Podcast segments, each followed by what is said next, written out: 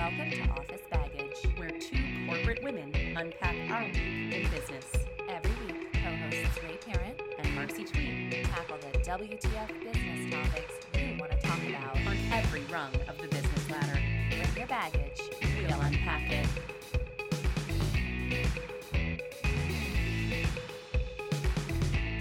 This week on Office Baggage, we're speaking with behavioral consultant Jim Kling about parenting strategies that allow us to maximize the quality of our time with our children.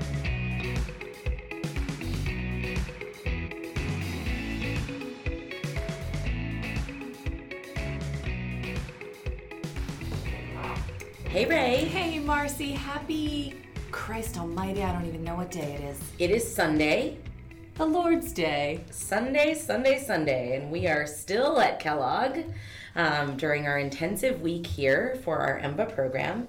And um, excited to be recording our second podcast of the weekend. We're doing a few this week. We so, have to yeah. get a few down because we have a whole month and change where we're not going to be together. It's very sad. It's so sad. It's actually not. And I love you, but I'm ready for a break from everything right now. So it'll be good. It will be good to have a little time away. So great. So we have a fun topic today that really like centers around you. This was your idea and and um, comes back to you and, and your kiddos. but I think applicable to everyone. You know, I frequently mention on the podcast I, I, all the time how hard it is to be a good mom as well as contributing meaningfully at work, being a good student, taking care of things at home like the dog and everything that needs to happen there. And of course, my husband, who will be pleased to know that I at least mentioned him this time, even though I think I put him fourth or fifth and after the dog. But anyway, the balance is exceptionally challenging. And candidly, that challenge is compounded when my kids are being jerks. Your daughter on FaceTime last night crying because she didn't want to go to bed. And you gave the phone to me to see if I could get her to go to bed. I'm like, what the heck am I going to do here, Maya? Well, clearly, like all parents, I am to a certain extent winging it.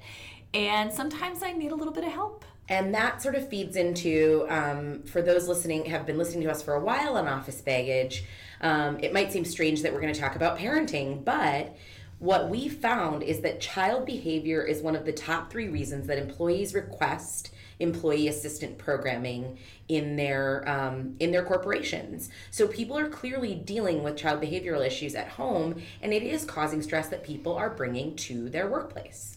So today we welcome James Kling to the program. James is a behavioral consultant, national speaker, and founder of the Fair but Firm model of behavioral intervention. Jim's company, Alternate Teaching, provides hands on strategies for parents and special programs in the workplace for busy professionals. Jim, thank you for joining us. Well, thank you for having me. We're glad to have you here. And full disclosure, Jim is the husband of one of our classmates. That is correct. So we've met you a few times before and actually heard you speak two weeks ago to our cohort and said, oh my gosh, you have to come on the podcast. So here we are. So you consult not only with groups of people, but with individual families as well, correct? Yeah, so I work not only when uh, somebody asks me to present in a group, but we work anywhere from uh, psychiatric hospital, uh, schools that might be having problems, all the way to going into people's homes and, and helping them work out of the situations that they're stuck in. So, what are the most common situations that you find people to be stuck in? So usually when it gets to somebody like me, we have a range of anywhere from non-compliance to violence. So it could be people that are doing what we call pulling a Gandhi, where they just sit in and say, I'm not going to school, or I'm not going to do this, or I'm not going to do that. And then parents are like, ah, what do I do?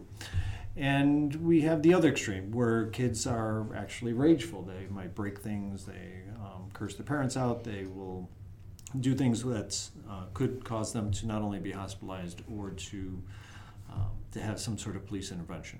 And my job is to solve all their world's problems in 10 sessions or less. And we're confident enough that if it doesn't work, we don't charge them. Tell me about that 10 sessions or less. Traditional therapy tends to be kind of a lifelong journey. So you're talking about a very different model here. So, traditional therapy is not really what modern therapy is about. Modern therapy typically is designed to help somebody get on their feet, to to pass a skill set that I as a therapist have that I'm going to pass on to you.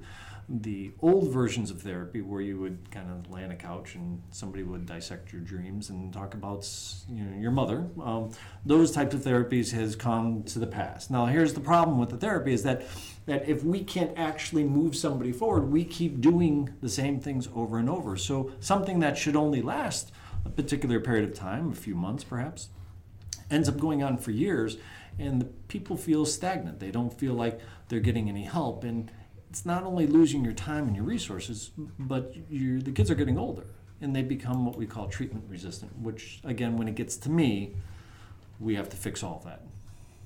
So you intervene at lots of different levels, right? Because I guess I wonder, I'm not a parent, but some parents think some of this stuff is just normal and then they let it go, right? Like they think, oh, it's just, they're just a, a rambunctious five year old or they're just a, you know. So how do parents know when when it's really a problem and when it's just uh, just kids being kids, kids being jerks, like you hashtag kids are hashtag kids are jerks. So, oh, so the idea is really it's kind of a culmination of things. Generally speaking, the, the most common things we see is the kids argue about essentially everything. Um, everything is a battle. Uh, oftentimes, that's they can become explosive and and when you talk to them, they feel like either everything is their fault or nothing is ever their fault. And usually, when you start getting into those, you start having some resistance where we try to help through that. You know, when it when it gets to the higher ranges where they're actually destroying things, they're causing people to to suffer injuries, they may on the higher levels run away for days or kill small animals. I mean, that would be a really high level of things. Um, the nice thing is that it can all be fixed. It can all be turned around the behaviors we're confident we can turn around and, and and what we will do is we will walk through and teach people how to do it without regard to the level of severity. So let's begin to talk about that a little bit. You know, like, and I just want to start out in really practical space because I think that's where a lot of my contemporaries, at least, are struggling. Like most of our listeners with kids, I really want to maximize the quality of the time that I have when I'm with my children but if I take weekends out of the equation, that means that I'm looking at mornings and evenings and, and these these are times that often there needs to be structure. We're getting ready for school in the morning or we're getting ready for camp or in the evening of course there's a bedtime routine. How do I keep them on routine? They always get off task and then it escalates. It starts off with me asking once, then asking twice. By the time I raise my voice, my daughter who's very sensitive is in tears how do I get a little more quality into that time? Well, the, the short answer is that don't worry so much about the structure. See, structure is meant for adults, not really for children. See, we structure our, our, our structure out the day because we need it. We need to know that bedtime is 8 o'clock. Well, what happens if it's 8.10, 8.30, 9 o'clock? how does the world change? How does everything become impactful? But but we're not on our schedule. Unfortunately, kids don't see schedules the same way, right? They're going to want to do something. They're going to impromptu play. But can they be redirected? Can they recover? And the recovery is what we're looking for. We oftentimes tell people consistency is overrated. Don't worry about being consistent all the time. You can't always be consistent, but we can help you get back on track. So when you have somebody that is struggling, one of the biggest questions or the problems that we see is one parent is at work a lot of the times. They're they're out of town. They could be you know traveling or they're just spending a lot of time in the office, and so the parent parent at home gives them a call and says, "Do something." Not unlike your conversation mm-hmm. before. Can you help her go to bed? It's like, well, what do you want me to do on the phone? And then, but we can help them. We can help not just the parent that's working with the child, but how does somebody be supportive to another person over the phone? So maybe that was a good thing because you redirected her. Is that, you know, you distracted yeah. her with me. Yes. She couldn't cry to you anymore because you distracted her with me. Oh, and then I did. I'm not a parent, so I can get away with this. I did the worst thing ever, probably. I dangled something in front of her. I said, "We get to go to Shedd Aquarium on Thursday and see the penguins, and you need to go to sleep because the faster you go to sleep, the faster you can go to Shedd Aquarium." And what I would say in that situation, Marcy, is you did the exact thing you're supposed to do. See, those types of things are completely okay. You just don't want to do them all the time.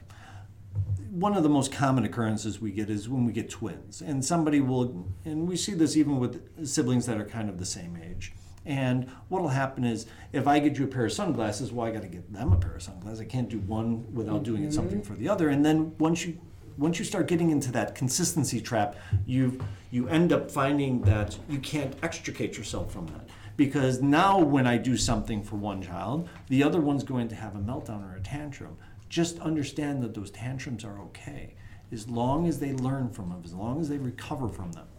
But if you're trying to avoid the tantrums, if you're trying to avoid the explosions and the problems, this is where it will help you in the moment, but it's going to catch up to you later because what will end up happening is you'll spend all of your time trying to avoid something. And that's the basis of anxiety. Anxiety is all about avoidance. And you don't want to have an anxious household. You want to have a stable household where you can come in and be happy to come home, not be like, oh, what am I going to run into? Once you start thinking that way, you're already in a, a bad route. And we want to turn that around quickly. So the other day, my son had an experience with a skateboard, and I talked about this a little bit on, on office baggage, and he wanted a skateboard. And after playing with a friends, um, he decided he really wanted a skateboard. So he worked for a week doing chores, and my husband brought him to Target to get a skateboard. Now, my daughter, who had done nothing um, to except stay out of the way, pitched a hissy at Target because she wanted a skateboard as well. And so, what would the right strategy have been in that moment? To I would- let her process the emotion or to give in? So, so this is a tricky question. My because- husband bought her roller skates, and we know that's not the right answer.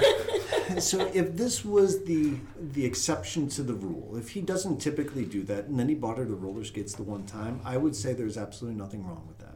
The problem is, it's not did he buy the roller skates or not. It's why did he buy the roller skates. If he's buying it because he's trying to avoid something, once again we get caught into that this this anxious feeling. This I have to avoid something, and this spreads. See, anxiety is contagious, right? You get a bunch of nervous people at the same room, and other people start getting nervous. Just look at the corner, stand in the corner, and start looking up, and be, oh my goodness! And then everyone thinks the sky is falling.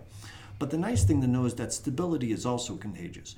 And if you feel confident in what you're doing, it'll push into the child. So probably what I would have done in that circumstances is I would have I would have encouraged her to understand that this time we're doing it for your brother.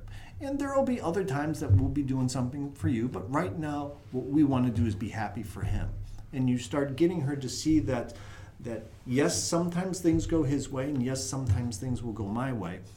But it only works if occasionally she gets something, if occasionally you do something, especially something that is spontaneous. Those random spontaneous reinforcers are the most powerful of all. Things will happen, and you can look forward to sometimes things are going to go your way, sometimes it's going to go somebody else's way, but we are going to be a happy family. And that's what we want to push for.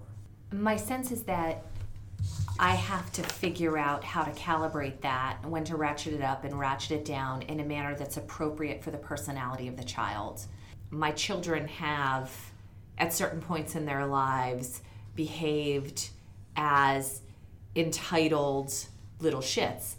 And sorry. There's no other way to say it. No, I mean, look at I- you know, I I think that's part of being a working mom and being a working dad is there's a little bit of guilt involved and we do we have historically tended to give them a little more than they needed.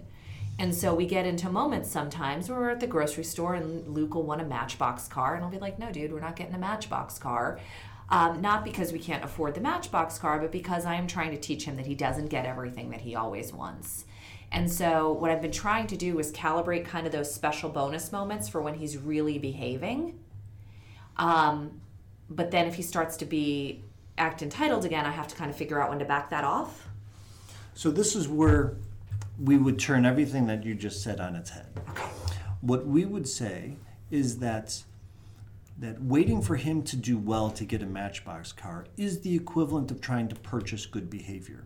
And sometimes he can get a Matchbox car just because he wants the Matchbox car. Just like sometimes we can indulge ourselves. Do we really need that item or that meal or that something? But yeah, I want it now. Okay. We don't do it all the time, but again, going back to that spontaneous random act of kindness can really tie them in. The other thing I would say is that This sense of entitlement is not necessarily a bad thing. What it means is that they feel confident in the basics. They feel that they will be taken care of. They don't have to worry about needs. They know that when they open the refrigerator, there will be food there. The lights will turn on when they turn the switch. Those are really good things. The problem is, is when it carries a little bit too far, when they become demanding, when they, they start having the, the fits each time that a no answer is said. All we have to do is change and tweak some of this and you're going to have about as happy of a household as one could ask for. So sometimes the answer to the Matchbox car question is yes, and sometimes it's no. And when he says, Why not? I got one last week, the answer is because you got one last week? Yes. Yeah. Sometimes good things will happen, and sometimes they won't. But here's the thing is nothing bad has occurred. You haven't taken away his Matchbox car he just doesn't get extra things. And happiness is not tied around always acquiring things. Happiness is tied around feeling connected to other people and knowing that he is loved whether he gets the Matchbox car or not. That's the message you want to send to him. So, talk to me a little bit more around this concept of redirecting behavior. My typical go to is to take something away. So, for instance, um, my daughter and son were not getting along. My daughter was clearly the instigator.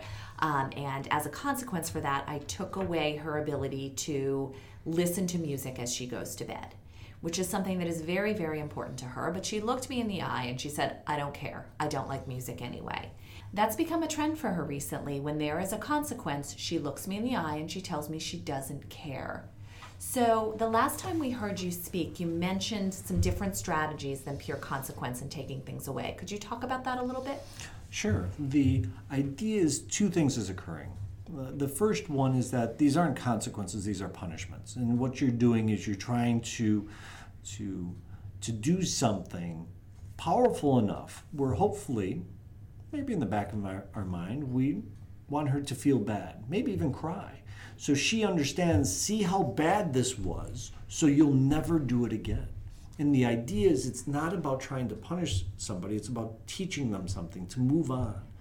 And so removing a privilege like the music is is going to move us in the wrong direction because she's not serving the consequence, you're doing the consequence. Now you have to be music police. And who wants to be music police, right? And so what ends up happening is now she feels bad because she has done something. Clearly she's, you know, garnered your wrath. She is she's upset you in some way and she doesn't have this. Meanwhile, you feel no joy in taking things and now you feel bad that she feels bad. Everyone walks away feeling bad, and that's not something we would encourage. What we would say is how does she recover from it? How does she make things better? And again, it's all about the recovery. But we do the same thing as adults all the time. When's the last time you've been late for a meeting and somebody said, no iPod, two days? Never happens to us, right? and what ends up happening is we use consequences in a way that only works while you're a child. And what I would encourage is to use consequences in a way that not only will work as a child, but they'll have that skill for the rest of their lives. So, what could she have done to make up for whatever she has done in this in this case? So, in this particular instance, she has um, had problems with her brother. So, what could she have done to fix that with you or the household? I'm not sure how you unstick your finger from someone's nose, but maybe an apology would have been a nice place to start, a sincere one. So, apologies are not something that we encourage for two reasons. The first one. I, I have a feeling this is going to have I negative consequences no, on my grown up life. People should be able to see your face. Your face was like, really? So I'm excited to hear this. So, apologies is, is not something we would encourage really for two reasons. The first one is that having somebody apologize loses the point of the apology because they're not really sorry. They're just doing it because you demanded that they've done it. And so then eventually they'll say sorry. And you're like, ah, ah, ah.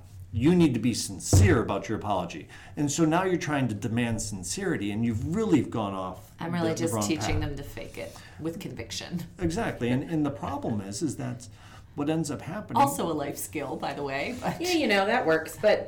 but they can learn those same skills in a much more efficient way. So the apology is in the, the doing of something, it is in the making good of something. Now, certainly that, you know, if I put my finger up your nose, the first thing you'd be like, Jim, why do you have your finger up my nose? But the second thing is, you're not going to want to be around me. So, what could I do if I accidentally, on purpose, put my finger in your nose and you felt that was a little weird? And I said, let me make it up to you. What could I do to make it up to you? Because I can't undo the action. Uh, you could take care of something that I needed to do for the day that maybe I wasn't looking forward to, like cleaning the kitchen. Sure, I could, I can take you somewhere. I can do something for you. I could, I could uh, sing a lullaby on on a recorded message, and when your daughter couldn't fall asleep, you could play the lullaby. Not that it would soothe her to sleep; she would just be so horrified at the singing that she would not ever want to have those problems ever again. out. But the idea is that I would do something to make up for it. And so what I would argue is that she should do something to make it up to you. And so so what could she do? She could do something nice, keeping in mind that she is going to do it from a kid's pers- perspective. So she's not going to be able to to buy you things or take you places, but she can do something nice around the house or help out, those types of things. And so what ends up happening is two things gets accomplished. The first one is she has paid you back. She has said, "Hey, look, I've I've made up for it. I don't have to always feel bad about what I've done. I've made things better." And then the second thing is you'll be able to say, "Well, she did pick up those stories. That was kind of helpful." Mm-hmm. Now the key is is that it does have to be helpful. And it doesn't necessarily have to help her brother. It could help the house right? And the first things we teach is how does she make it up to the home? Because what ends up happening is if you require her to make it up to her brother, well, there's two problems with that. The first one is we don't want one child feeling indebted to another child. Mm. Because then what ends up happening is there's a power shift and, and the the brother feels like she he has something on top of her and one ups her. And so she may actually have more resentment for that. The second thing is that he might not want her to do anything for him. And you have now given her permission to go bother her brother again. And he might be like, no, I don't want any more fingers in my nose, right? And so so what we do is we teach them to pay back to the house. Once they learn how to do that, then we would expand on to how to pay back to each other. It is in the paying back, it is in the doing of the good deed. That is the apology not the words. The words are meaningless. It's the actions. If I hit you in the face and I said, "Oh, I'm sorry," well, the sorry's not going to take anything back. It's not going to make it sting any less. As a matter of fact, you might not even want to accept my apology. But if I did something to make up for it, you won't forget the hit, but you might be able to move past it. Mm-hmm. Not unlike if we've done something wrong to our neighbors, and we would go and do something. But instead of saying, hey, look, I'm sorry I accidentally mowed over your prize roses, we would, instead of just feeling bad and, and walking through the apology, is you might bring over some brownies and say, hey, look, I've done, you know, here, here you go, I really apologize. And the words are supported by your actions. So when you were talking about this last weekend, you also said, if then the child refuses to do that, there's a path so if she says, "Well, I'm not going to clean the kitchen," and exactly, and so this, she's clearly met my children.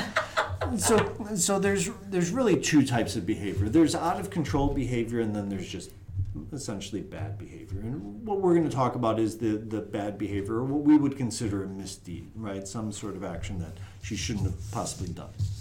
So, we would offer her the the possibility of making it up by say cleaning a table or picking up um, the pillows or rearranging something, something that would be relatively small, that certainly would be within her abilities to do. And if she did it, then we would say the debt is paid, we can move on. If she didn't do it, then what we would say at that point is you're not obligated to do it, but if you don't do it, then you would lose one privilege, like the music.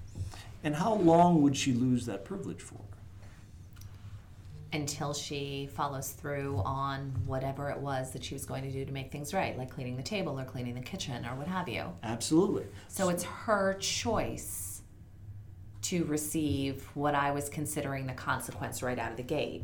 Correct. And if she does it, then no lose occurs. If she doesn't do it, the lose would continue to to happen until she completes the do. It's what we call do versus lose the do is the consequence. The lose is just motivation to do the do. Now, remember how we talked about how this translates to the rest of their lives. The reason why it translates is if you've gotten a series of parking tickets and they towed your car, and you have to pay now to get your car out, and you're like, I'm not paying that. Well, they're not going to come and take your TV and they're not going to come and, snatch up your dog. What they're going to say is, then we're going to keep your car. We're going to suspend your license. Well, how long do they suspend your license for? Until you pay. And the idea is that it's still do versus lose. And so once they learn how the rhythm works, how to make good on things, this will last them the rest of their lives. Not just with with their siblings, but it could help in their job as employers, as employees, with teachers, with with children, with spouses. If somebody's done something wrong, isn't it nicer for somebody to come back and say, "Hey, look, I've done this for you," instead of just saying, "And "I'm sorry." Okay, so I consider my children's behavior sometimes to be crazy. I mentioned, you know, catching my daughter sticking her finger up my son's nose. Um, tell, sometimes I think it's only me. Please, uh, you know, tell me what's the most interesting situation you've ever worked with? Well, interesting is is all in perspective, but I will tell you this: the fingers up the nose is actually a relatively common thing in our practice. so, so uh, we've had some what we would consider unusual cases, and so, so one example that I talk about frequently, to give a kind of a sense of the scope of where these kids come from, is we had one child that we were working with. The, the family subsequently moved to Colorado, and we got a call a couple years later saying, What do I do in this situation? And what ended up happening was is that the, the child in the past has have have made online purchases with the parents' cards, the credit cards. They would sneak the cards and, and do that. And so the parents got really good at catching this, and we've talked about how to not only get um, those monies uh, reimbursed, but how to stop that from happening in the first place. Well, we got a call, and what they said was that this same child came to them and said, I just won a raffle. And they're like, No, you didn't. And they're like, No, no, I won a raffle. I put in for a Lego raffle and I won it. And they said, Yeah, I'm not going to call you a liar, but I, it's highly suspect. Well, three days later, a package comes in and it's a box of Legos. So they immediately go there and they get out the package slip and there is no cost to it. And as a matter of fact, when they read it, it says, Congratulations, so and so, you have won and, and, and this raffle. And so now they feel bad because they're so used to doubting him. Sure. That the one time he was saying something that seemed to be legitimate, they felt bad and so they said, I'm sorry, and he had a chance to play with his Legos. Well, later that month, they had a um, a call from the storage facility saying that that their the money in their accounts was overdrawn, and so they couldn't. Um, they had to find a different payment, and they said that's impossible. We had over three hundred dollars in this account, and so they type up an account, and they see that the Legos actually charged the card three hundred dollars. So now they're pretty upset because this kid won this raffle, and they did like a little uh, swindle on the kid. So they called the Lego company, and they said, "Hey, look." You can't charge my son if he won these Legos. Well, it took a little detective work, but they said we don't have raffles. And so what they found is that the kid not only swiped the card, but he sent himself it under a gift receipt. And so, of course, there's not going to be a cost. And he typed in the message to himself saying, Congratulations, so and so, you've just won this raffle. and so by the time they realized that he was playing with this, and then later on they said, Didn't you realize that we would eventually find out? And he said that I didn't think that far ahead. Because as smart as these kids can be, and they can be really smart, they're not wise. Wisdom comes with experience. They don't know the system, they don't know how the world works the way we do. And so, although they can outsmart people at any given time, just understand that because we have the wisdom of what's going on, we can usually corral it and recover. And again, recovery is the key, and, and being able to fix these situations is really what we look for. I like I feel bad and I realize this is wrong, but I would be totally impressed. I'm like, wow, Junior, that you know, you really almost got all the way there. Like really close. How do we channel this into productive behavior? Oh my goodness. Wow. And that's the key is that oftentimes we tell parents that, look, your kids are going to either run Apple or the Gangster Disciples. We can't tell you which one they're going to do, but they're they're destined for some sort of impact on this world. What we do with our job is just to get them to err to the side of the former, not the latter. We mm-hmm. want them to use their powers for good. I am so happy to hear you say that. I say it all the time when my daughter, in particular, has me pulling my hair out that she is either going to be the leader of the free world or she's going to be in juvie, and it is all on my shoulders. And Ray, here's here's the best part is that it's almost never as bad as people think it is. The idea is, let me give you a situation. Let's say if you have a five-year-old and you tell the five-year-old that it's time to turn the TV off. And the five-year-old gets upset and you say, no, you have to turn the TV off. And the five-year-old becomes so upset, they start swearing at the parents and they spit in the parent's face. Does that child have any respect for that parent? No. See, we would argue that they do. See, they respect the parent enough to understand that they have the authority to say there's no TV. See, if I told the two of you you can't watch TV, you're not going to be upset at me. The child recognizes that the parent has that authority, but can't handle the no answer. And so we don't have to teach the child to recognize the authority. All we have to do is repackage the way they accept their no answers. Situations that seem to be out of hand and outrageous really are not as bad as most parents think. It's just a way of how you interact with them and how you remove, move things forward. It's all about the recovery. How do we get them to recover? How do we get them to learn to accept that no answer, be it about turning off the TV to go to bed or you know, sometimes it's even not about a no answer. It's about needing to transition from one activity to another to just like get out the door. So some of the basic ones are what we hear all the time, which is give them some time, let them know that it's coming. But the truth of the matter is that you can give them as many promises you want and they can know clearly that it's coming, but they can't handle it. And the question comes in as to why they can't handle it. And they can't handle it because they feel out of control. Oftentimes, when people feel out of control, and you can always tell an out of control person because they struggle with anxiety. Kids have two ways of managing their, their inability to control these feelings. The first one is they hyper focus on something. So they're all into Legos, they're all into Xbox, they're all into phone, girlfriend, origami, something. They're, they are all mm-hmm. invested into it. As a matter of fact, oftentimes parents mistake this hyper focus as like a video game addiction, but it's not a video game addiction really. It is about avoiding all these other feelings by focusing in on, on in this particular case, electronics. The other way that they manage it is conflict conflict allows you to avoid the real issue. We see this in the workplace all the mm-hmm. time. You're fighting over, like, who has the mailbox higher than the other person, or, or why did my office get switched, instead of being able to talk about the underlying issues, what else is going on. So when you have hyper focus and conflict, and you have done something like remove the TV or remove the music, sometimes all they have left is conflict. Now, that comes out in a variety of ways. Like your daughter's way of managing that conflict is that she does more of what we would call the Gandhi. I just don't care about the music anymore. And she she disconnects from it. She just says I don't need it anymore. And some people can really do that. They they truncate that part and they move on. It's their way of controlling a situation that's uncontrollable. And what we would do is we would teach them how do you manage this? The way we start is not catch them being good and kind of motivating them. We don't purchase good behavior. What we do is we tell them that yes, you're going to have an event. The child is going to swear, the child might spit, but how do they recover? And it's in the recovery that people learn.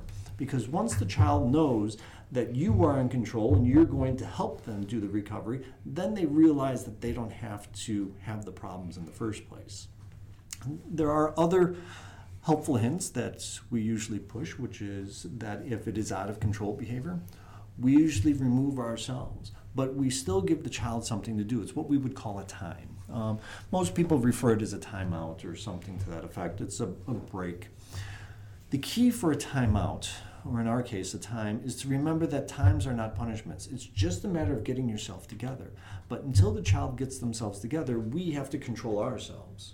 We don't interact with them. We can say what we need to, but we're not going to interact with them. We're not going to play with them. We're not going to talk with them until they have gotten themselves together. Usually it's a small period of time, whether they're sitting in a chair or whether they go to the room. The, the time frame shifts as you get older and younger and things like that. So, you know, the younger kids, of course, don't have nearly as much time. What we do is we ask them to calm themselves down. Once they calm themselves down, we find out how long did that actually take. And then what we do is over a series of techniques, we try to get them to do it shorter and shorter. So we don't ask people to get upset. What we want is for them to get upset and recover so fast nobody actually sees it occur.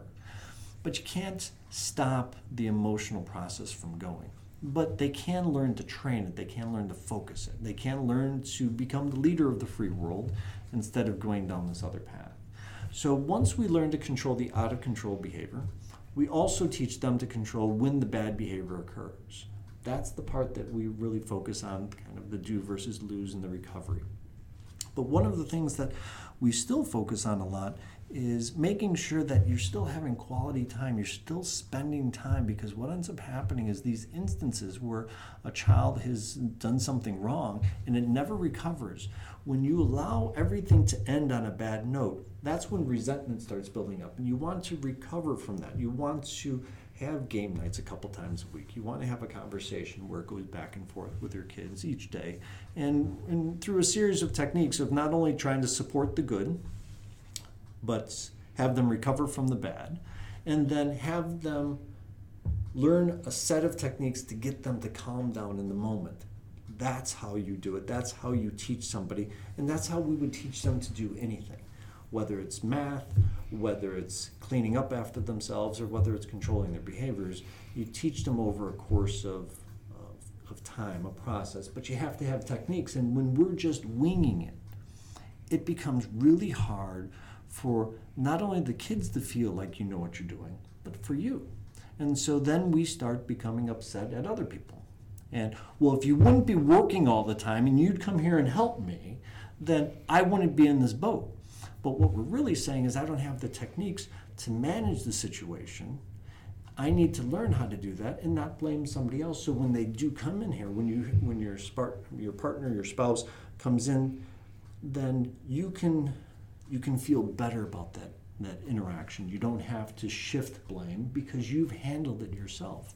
When you're in control, you've controlled the environment, and then everyone else will adjust to the new environment. That new environment is about safety, is about love, it's about relationships. That's the ultimate goal. So you've mentioned anxiety a couple of times as we've been talking, and it, this this world that our kids are growing up in now, the context that are they're steeped in so much achievement, so much change. Everything is scheduled all the time. My son, when he sees, and we've just figured this out very recently, if there's something looming in the future that is a new experience for him, be it a trip to the dentist that he knows is coming up in a week or a transition to a new school that he knows is coming at the end of the summer, he is just very tightly wound and will lash out with very little provocation, even outside of a scenario that's talking about the dentist or the school. And so my husband and I have only very recently figured out oh, Luke is wound really tight because he's thinking about something that he knows is going to happen in three months. How do we unpack that with someone who isn't emotionally mature, who's seven years old, so that they can start to cope with that looming stressor? Because that's part of life. One of the best ways you can do is wonder. I wonder if you're really upset about going to bed because you're concerned about school changing. I wonder if you're if if you're mad and don't want to eat your dinner because you are thinking that tomorrow I have to go to the dentist. You make your best guesses. If you believe that that he is wound tight because of these types of things, then you need to talk about them. See, back in the, the 60s and that, we used to think that when somebody was depressed or suicidal, you do not want to say the word suicide because we don't want them to think this is a possibility. We don't want to implant the thought into them. But what we've learned is that people think about suicide thousand times a day for the ones that are really depressed. And talking about it is not doing anything other than bringing to light these hidden feelings. And what you want to do is bring to light these feelings for your son because he doesn't understand why he's doing it. Now, keeping in mind, since he doesn't understand it, you can't listen to his words, you watch his response. If he becomes mm. super quiet or he becomes super aggressive, if he becomes explosive, if he if there's some pattern that is different, then you've probably hit it. So if he says, no, that's not it, like, whoa, that seems it. or he becomes really quiet, I wonder if we've hit something. But if he hasn't really changed, then maybe you are off on what you think it is. It could be something else. It could be something that happened at school or at home, or it could be you know, bad thoughts that he's feeling. So the idea is bringing the, the problem to the forefront. Now, there's lots of techniques about showing him a picture of the new school or having them, you know, meet the teacher ahead of time for the next year. Those types of things can kind of alleviate some of the symptoms. But understand that some of this can come from having too much structure. If you know if everything, if you're super structured and you have everything planned, well, then things that aren't planned become a little, little unnerving. Maybe add a little spontaneous situation to your lives. You can plan your spont- spontaneity. Just be like, okay, we're going to do something spontaneous. I have a mom that was uh, had a lot of anxious thoughts, and so she was really controlling and wanted all these different things. And so one of the assignments, because she asked, "How do I fix this?" I said, "Have a spaghetti dinner without using utensils." She's like, "I can't do that." I'm like, "Well, why not?" Just do something that even though you're planning it, do something that's a little off, that's a little outrageous. And it won't hurt anyone, certainly it'll make a mess, but the kids, everyone will probably have a fantastic time. And if you let yourself, you'll have a fantastic time too. This is the problem when you make everything so sterile, when you make everything so structured, when you make everything so consistent, is you can't handle the inconsistencies of life. And that's what life is. It's all about a series of inconsistencies. That is incredibly insightful. Thank you. When we get him to a space, though, where we realize it's about school or it's about the dentist, is it constructive to talk about that it's natural to feel nervous about new things? Sure, absolutely. But usually, what we encourage people is think of, of this is more like what we would call a thought grenade, right? You have about 90 seconds to say what it is that you're going to say because after that, it's really you're talking to yourself. So take, you know, so you're going to pull the pin out of the grenade, you're going to drop the thought on them, and then walk away and let that idea kind of explode all over them. Let them think about it. You have to give time for kids to be able to process things. And so, yes, we want to get this out. Let's talk about what happened. Let's work through it. But maybe you have to do this in a series of conversations. And you allow yourself the opportunity to to sit and have a conversation with him about whatever he wants to talk about. Let him practice asking you questions. How was your day? What did you do? How do you do a podcast? How you know, I hear you talking. How do you how do you get your voice inside that that machine and, and allow them to explore questions, not only factual questions about the world, but things about you, about your parents, your parents' parents. And once he learns that he can ask and come to you in questions, and it's something that's encouraged, he might come back to you one time and say, I'm really nervous about school. And you're like, whoa, where did that come from? So, can we spend a little bit of time there? Because I, my husband and I have this joke uh, about our children what happens at school stays in school. The answer to the question, How was your day? What did you do today? We've, it always comes back with nothing or math or a one word answer We've tried to switch it up a little bit and say, you know, what happened in the classroom that mommy would have enjoyed today to try to elicit a little bit more information. Unless it's literally 20 minutes past their bedtime and I'm getting like the bedatorial, it is impossible to get my children to really have a conversation. That's because you're not having a conversation. You're having an interrogation, right? You're asking them different questions and you're trying to reword the question in a way that that will give the illusion that you're not interrogating them. and people don't want to be interrogated. So it's going to turn into yes, yes, fine, nothing can I go. And what you want to do is you want to move it into I want to have a conversation about school, but before we can do that, I want to have a conversation about me. And let them ask you questions and let let them uh, find a little bit more about what happens to you. Does your kids know what you do for a living? Do they know how it works or why it works? I mean, how do you, how do you how do you leave? You go somewhere in this mysterious vacuum, and you come back, and we have a house. How did that happen? What what what miracle has occurred? And what we want to do is we want to teach kids that that through the conversations about stuff that they have to reciprocate they have to go through. And so, what we usually encourage families to do is 10 minutes. 10 minutes of a conversation that goes back and forth. That's the maximum amount of time you're going to need. And the idea is that they're going to talk about half the time, you're going to talk about half the time, but it's an old therapist trick at the end. Say, why don't we pick this up next time we talk, right? We'll pick this up tomorrow. Now, that doesn't mean you can't have one of those, those, those deep conversations where you you talk about something that's that's really powerful, but you can't make all those conversations that way. When somebody asks you, "How you doing?" "Hey, what's up? What are you doing this weekend?" You're going to give them probably Fine, not much, but yeah, one word answer, yeah. two word answers because you're not really that interested, and that's what the kids pick up on. You're not really that interested, and why do we think that? Because you don't share. So if you're not sharing, why should I share? That doesn't seem very fair. And so when you provide an avenue where people can can express both ways, that's a conversation. That's when things blossom. That's incredibly helpful. Thank you. So the thing I'm really excited about in in your business, um, especially as a non-parent, is that now you're looking to transition and do some of what you're training parents to do, um, training parents to do in the workplace. But I think so much of this is applicable to the workplace. And the thing that you brought up just a few minutes ago that I thought was so great is this idea of a thought grenade. I mean, I do this with my boss, where I'm sitting having a conversation with my boss, and I should have left three minutes into the thing I threw at him. And instead, I'm still trying to talk to him about it when I need to give him the time to think about whatever the idea was that I threw at him. And I think so much of the workplace is going back to these childish kind of behaviors of how are you talking to the people in your life and how are you managing anxiety and how are you managing your emotions?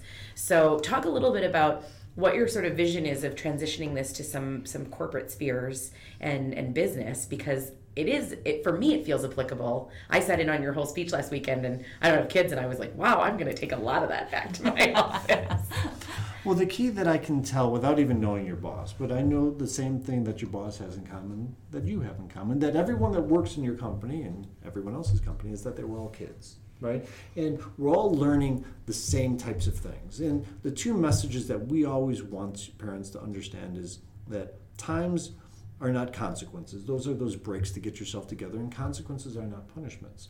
But what ends up happening is that everyone has been taught the same way of taking things and controlling and doing these types of things so that when you become an adult, you don't really have an equal footing. Even the concept of the term boss means that in some way they are superior to you. Mm-hmm. But it could have been a whole series of events that turns out that they worked for you.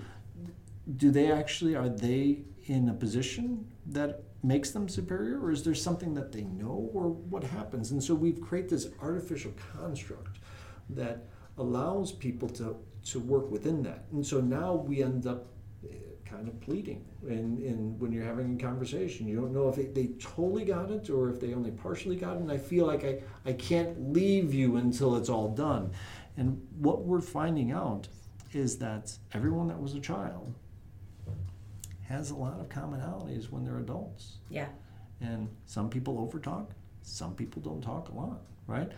I'll ask my wife a question and and then I have to follow it by two or three more questions. I'm like, if you just would have expressed the answer in more of a complete sentence, I would have I wouldn't have had to follow up with all these other questions.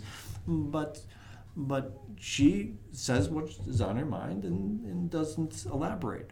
I, on the other hand, can't stop the elaboration. She's like, I got plenty, I don't need any more. and so, how do I shorten my sentences and how does she expand those sentences? And then what we really want to do is look at everyone as an individual and say, what can you do to push out of your comfort zone? What could you do to have a spaghetti dinner without using utensils? Oh, that would be easy for me. That's easy for you. But with something else, What isn't? Yeah. So find out what causes you to have resistance and push against that. Expand your boundaries. Well, Jim, I cannot thank you enough for taking the time to be here with us today. I know you're exceptionally busy and you're solo parenting as well while your wife is here with us at Intense Week at school. Um, we will post your information on our website. Uh, one of the things that I think we mentioned at the top of the show was that Jim and his company provide services for corporations, um, speeches, and what have you. And it's something that I'm actually keenly interested in. I know that when I have things in control and happy at home, I'm able to really bring my full self to work and concentrate at a different level. And I think that that's something that we should all be thinking of, of offering to the extent that we can to our organizations. Absolutely. Thanks, Jim. Thank you for having me. It was a great time.